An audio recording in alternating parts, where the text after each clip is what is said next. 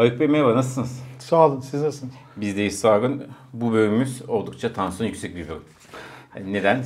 Çünkü Merkez Bankası bugün e, Para Politikası Kurulu'nda kararını açıkladı ve politika faizinin beklenenin çok ötesinde. 200 200 250 bas puan bekleniyordu. Yaklaşık 3 katı 750 bas puanı artarak %25'e çıkarttı. Gerçekten son yıllarda ya yukarı yönünü hatırlamadığımız bir sürpriz Evet, faiz rekor artışı. olabilir. Evet. Evet rekor olabilir. Yani olarak da çok yüksek bir oran. Ne diyorsunuz? Taze taze yorumlayalım.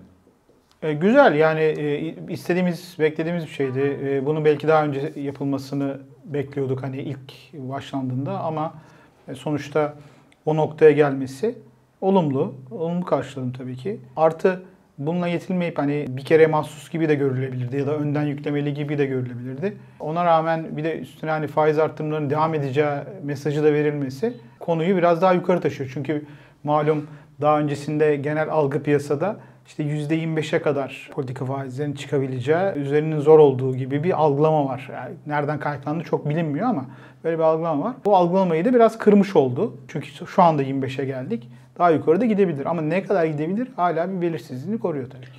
Şimdi enflasyon raporu açıklandı. Gaye Hanım'ın ilk e, sunumuydu. Ondan sonra başkan yardımcılığı değişti. Ve enflasyon raporunda da hani en çok övülen, en çok beğenilen şey hedeflerin daha gerçekçi olmasıydı. Ama şöyle şu soru vardı. Hedefler gerçekçi ama hani politika faizini oraya yaklaştıracak mıyız? Esas soru bu. Evet. Bugün artık bu sorunun cevabını evet yaklaştıracağız olarak aldık mı? Yaklaştıracağız ama ne kadar yaklaşacağız hala cevabını bilmiyoruz. Yani çok mu, biraz mı, az mı hala belirsiz. Yani az değil ama çok mu emin değilim hala. Bunu okumak zor. Çünkü evet gerçekçi diyorduk ama hemen ondan e, o civarlarda, o tarihlerde e, ciddi zamlar da devam ediyordu ve enflasyon Ağustos'ta da bu arada bayağı yüksek geleceği gibi hesaplamalarımız, tahminlerimiz var. Yani 8'lere doğru gidiyor olabilir ciddi bir enflasyon. O yüzden hani zaten e, Merkez Bankası 58 dese de bizler daha çok 60-65 civarı görüyorduk ki bugün de tahmin karar metninde üst sınırı zorlayabilir diyor. Yani üst sınırı da 62 tahmininin. Onu dikkate alırsak yani bayağı bir riske işaret ediyor. O yüzden enflasyonun tabii ki 62'lere yakınması gibi beklentimiz yok. Ama bize ne ne gösteriyor aslında bu metinde? Şöyle diyor. Yani bu sıkılaşmayla diyor ben bu yılı tamam artık bir şey yapamam ama diyor 2024 yılında tahminimle uyumlu bir dezenflasyona oturtabilirim diyor. Şimdi tahmini yanlış hatırlamıyorsam 33'tü gelecek yıl sonu. O da aslında şu andaki piyasa beklentilerinin bir hayli altında. 33 iddialı duruyor hala şu andaki sıkılaşmayla beraber. Ha bu 33'ü doğru bir şey yol mu açıldı politika faizi? O ilk akla gelen o. Yani üzerine daha bir yani 25'ten 33'e doğru o civarlara ama yani dediğim gibi benim satır aralarında okumalarım bunlar. Bu gerçekte böyle mi bilmiyorum tabii ki. Evet. Mehmet Şimşek de e, karardan sonra bir tweet attı. Dedi ki kararlıyız. Fiyat istikrarı en büyük önceliğimiz. Evet. Yani altını çiziyor esasında. Enflasyon evet. sıklaşmanın devam edeceğinin evet. altını çiziyor değil mi? Tabii yani Mer Mehmet Şimşek zaten hani böyle bekliyorduk. Hani beklediğimiz gibi yani nasıl diyeyim rasyonel olması gerektiği gibi açıklamalar yapıyor. Tabii ki beklenti hani fiyat istikrarının biraz öne çıkması hani büyümeden çok. Orada daha dengeli konuşmalar olsa da veya açıklamalar olsa da fiyat istikrarını vurgulayan açıklamalar gelmesi bu yüklü faiz artışına rağmen olumlu tabii yani bunu yatsımamak lazım. Peki bu deyince bu beklenmedik faiz artışının ana sebebi veya oluş, ortamı oluşturan şey Merkez Bankası Başkan Yardımcısı'nın değişmesi miydi sizce? Yani o üç ismin değişmesi hmm. mi bugünü bizi bugüne getirdi? Veya arada bir şey mi oldu karar mı değişti? Yani sonuçta ilk başta özellikle yabancı kurumlar çok ciddi faiz artışı bekliyorlardı. Hiçbiri evet. olmadı. 40'a 30'a konuşuluyordu Doğru. ilk başta. Sonra artık beklentiler çok küçüldü. İşte 20'ye kadar Doğru. küçüldü ama şimdi beklenti bir. Ee, sizce karar mı değişti? Yoksa başkan yardımcı değişmesi tamamen... İyi soru. Yani bunu hakikaten içeriden bilginiz olmadan bilmek mümkün değil. Ama öyle algılanacaktır. Yani o algılamaya kaçınılmaz. Çünkü ama şöyle de biz de geçen yayınlarda da böyle demiştik. Hani enflasyon raporu sorusunda yeni başkan yardımcının değişmesi tabii ki beklentileri yukarı çeken bir değişmedir diye şey yapıyorduk. Ama o beklentileri tabii çeke çeke yani 250 devam gibi çekmişti. Ama hani bir sürpriz de olabilir mi diye herkesin bir pay bırakıyordu aslına bakarsak. Ama bunu şimdi böyle algı yani bu sefer öyle algılanma ihtimali var tabii ki. Yani yeni yönetim geldi. E, dolayısıyla onların e, kredibiliteyle başlaması için böyle bir şeye izin verildi. E, dolayısıyla yaptılar. Ama Hani izin böyle de olabilir bilmiyoruz. Öyle algılanacaktır diye söylüyorum hala öyle algılanmaya devam edecektir. Ama bunu yapmalarına rağmen arkasında açık bırakmaları biraz daha takip etmemizi, icraata bakmamızı gerektiriyor bence. Peki icat demişken Evet. sonuçta bunlar esasında birbiriyle bağlantılı bir sürü karar alınıyor. Tabii. Para politikası tarafında son günlerde. Mesela KKM ile ilgili alınan, düz- yapılan düzenlemede bundan bağımsız yorumlayamayız. Hatta KKM ile ilgili yapılan düzenleme şöyle bir e, tahmin veya analiz yapılmıştı. Her yerde politika faizini beklenenden daha az arttıracak veya düşük seviyede arttıracak. Ama işte piyasadaki faizi yukarı çekmeye çalışıyor mevduatlar Evet, üzerinde. evet. Ama bugün geldiğimizde hem KKM Evet. yapılan düzenleme hem de politika faizinin 700'e basmanın arttırılması. Bu ikisini birlikte nasıl değerlendiriyorsunuz? Evet.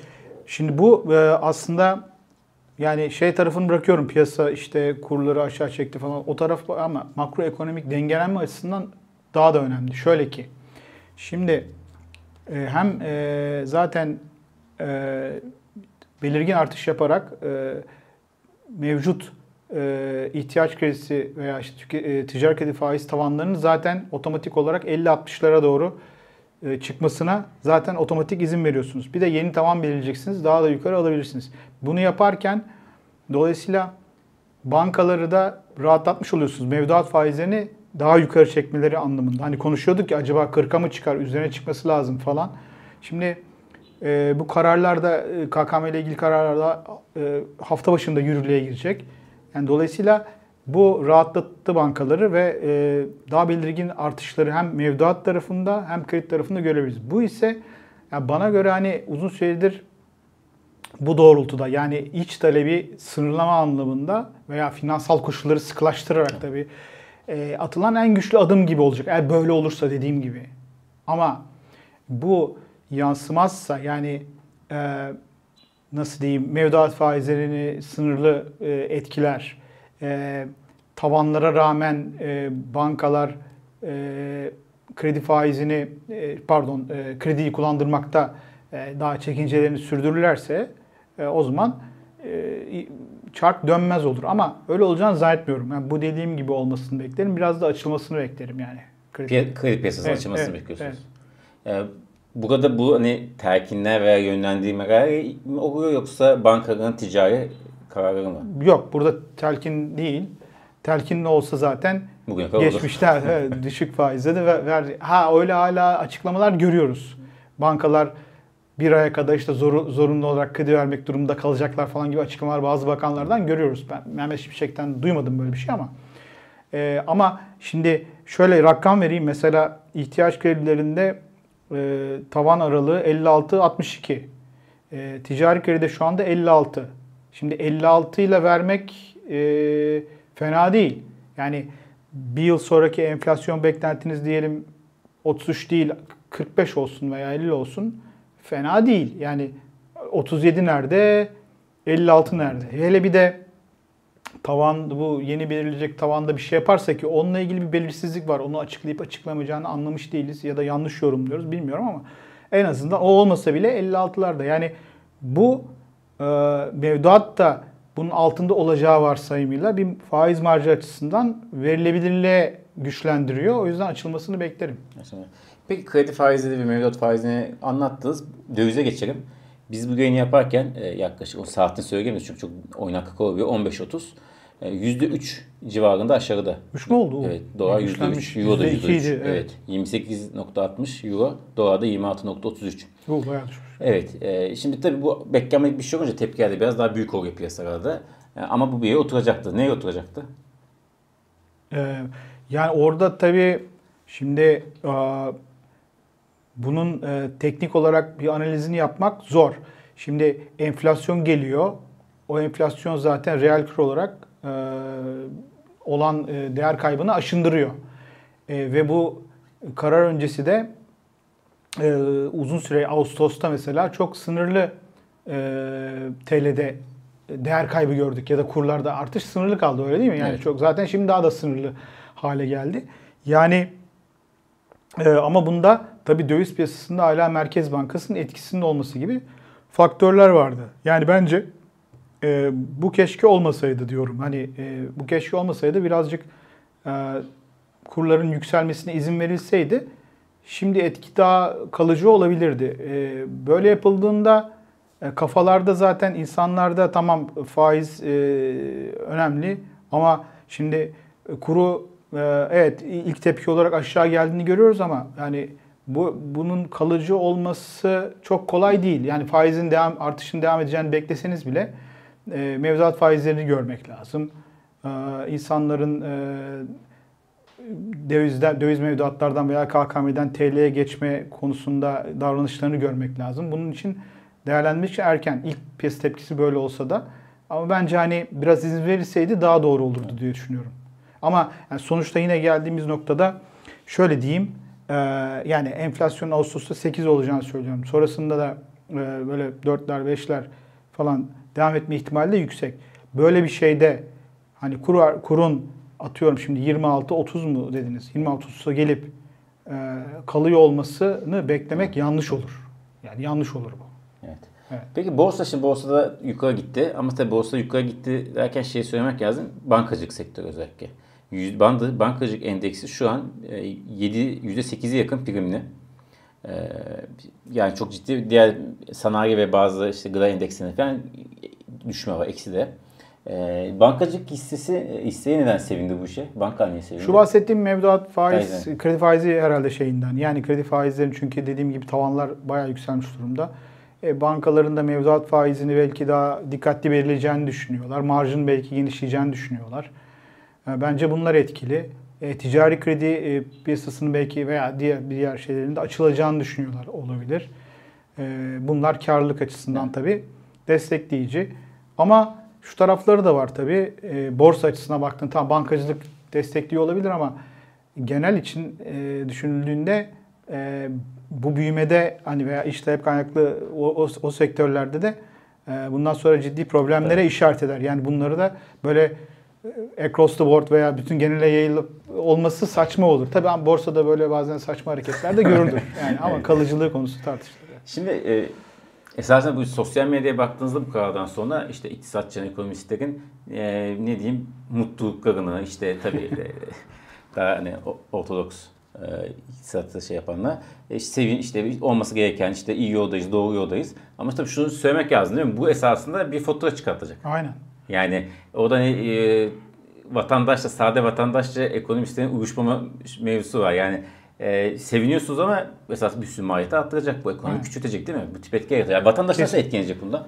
Sade bir vatandaş, yani mevduat kredi işlerini çok girmeyen bir vatandaş nasıl etkilenecek? Valla e, genel olarak e, kredi şeylerinde bu oranlarla kullanmak herhalde zaten zor kullanılıyordu. Yani zor zorlaştırılmıştı diyelim. İyice ne imkansız hale gelir. E, yani o yüzden e, sıkıntı. E, belki e, şöyle yapılacak herhalde. E, yeni kararlar da görebiliriz. Selektif olarak bazı şeyler e, re ayrı e, tavanlar falan getirerek ya da başka yöntemlerle rahatlatmaya çalışır. Ciddi e, problem olabilir. E, ve bunu yani siyaseten de aslında bayağı zorlayıcı. Yani yeni ekonomi yönetiminde zorlayıcı olacaktır. Zaten tüketici güvenine dikkat edersek çok ciddi gerilemiş durumda. Yani bu karar hani belki şöyle düşünebilirsiniz. de, Dolarda gerileme oldu. Oh çok rahatlar. insanlar tüketici güveni artar ama bu tarafları da var. Yani o yüzden çok onu beklememek lazım belki. Ee, yani gerçekten iki e, finans piyasası ayrı, reel sektör ayrı e, veya reel sektörde bir hane halkı e, finans sektörü sevinirken o bir taraf üzülebilir. Ee, tabii bu daha çok su kaldırır bu. O yüzden Tabii. her tüm soruları sormuyorum. Biraz da haftaki programa da malzeme bırakıyorum. Çünkü hani Kasım gibi kredinin açılacağı, işte kredi faizi düşeceği konuşuyordu. Şimdi bununla bu uyuşmuyor. Yeni denklemi konuşacağız ilerleyen günlerde. CDS konuşalım artık sona yaklaşırken. CDS de 400'ün altına indi bu karar sonrasında. E, düşüşteydi ama bir yerde kalmıştı yani. O da daha düşmedi. Evet, Hatta evet. hafif hafif yükselişte. Ne kadar eğildi. gelmiş acaba? E, Valla ben en son baktığımda 380 bin neydi ama tam da çok da anlık göremiyorum. E, ne diyorsunuz CDS değerde yani Şimdi CDS e, şey diye bakmak lazım. Hani Türkiye'nin değil de kamu sektörünün riski yani kamunun e, bir e, risk primi aslında. O niye artıyordu geçmişte? Çünkü tüm kur riskini kamu üstlenmişti. Yani KKM'lerinde e, özellikle KKM'ler nedeniyle e, zaten rezervler e, kaybediliyordu ve e, açık pozisyon olduğu için kamunun açık pozisyonu çok ciddi düzeylerde. Ama son kararlar yani faiz kararı e, yanı sıra öncesinde de işte KKM ile ilgili alınan kararlar artık bu yükün e, azaltılması veya bankalarla paylaşılmasına işaret ediliyor. Dolayısıyla bir yükü e, kur riski yükünü aslında bize tekrar bize geri veriyor. Biz ne güzel hane halkı olarak e, şeyler olarak şirketler olarak yükü aslında kamuya verdik. Öyle değil mi? Biz pozisyonumuzu düzelttik. Artıya geçtik. Bekliyoruz. Bizim için kur yükselişi iyi oluyor. Ama şimdi kamu da diyor ki yeter ben şey yaptım diyoruz. Biraz da sen yap diyor. O yüzden risk bize dönüyor tekrar. Bu CDS'i bence olumlu etkiliyor. Bir de genel olarak işte ortodokslar yani rating artışları e, gözlenebilir falan tarafı da var tabii ki. Evet. E, peki son olarak şunu sorayım Haluk Bey. Şimdi bir ay nasıl geçecek? Bir dahaki PPK. Şimdi PPK için beklentiler değişti. Tabii tüm hesaplar değişti. Yeni tahminler yapılacak. Ama bir ay sonra PPK var yeniden. E, hani belki büyük bir adım atılması, yani şimdi orada da çok küçük bir adım atılmasının imkansız hale getirdi belki de yani. 700 yani belki önden yükleme yaptı onu da bilmiyoruz. Muhtemelen yönlendirme de yapacak adı sözlü.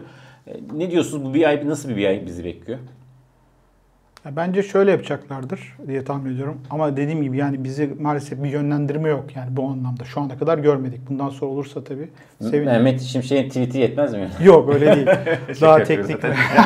evet, şöyle. Şimdi burada benim anladığım hani onu vurguladım ben. Şimdi bir reel faiz hesabından bahsettim. Beklenen enflasyona göre ve mevcut enflasyona göre. Şimdi ciddi eksilerdeyiz. E, ama şimdi e, son ay ne oldu? Gelecek enflasyon beklentisi e, yaklaşık 35'lerden e, 42'lere çıktı. Şimdi yani orada zaten 7 puanlık bir şey var. Aslında ipucu veriyor.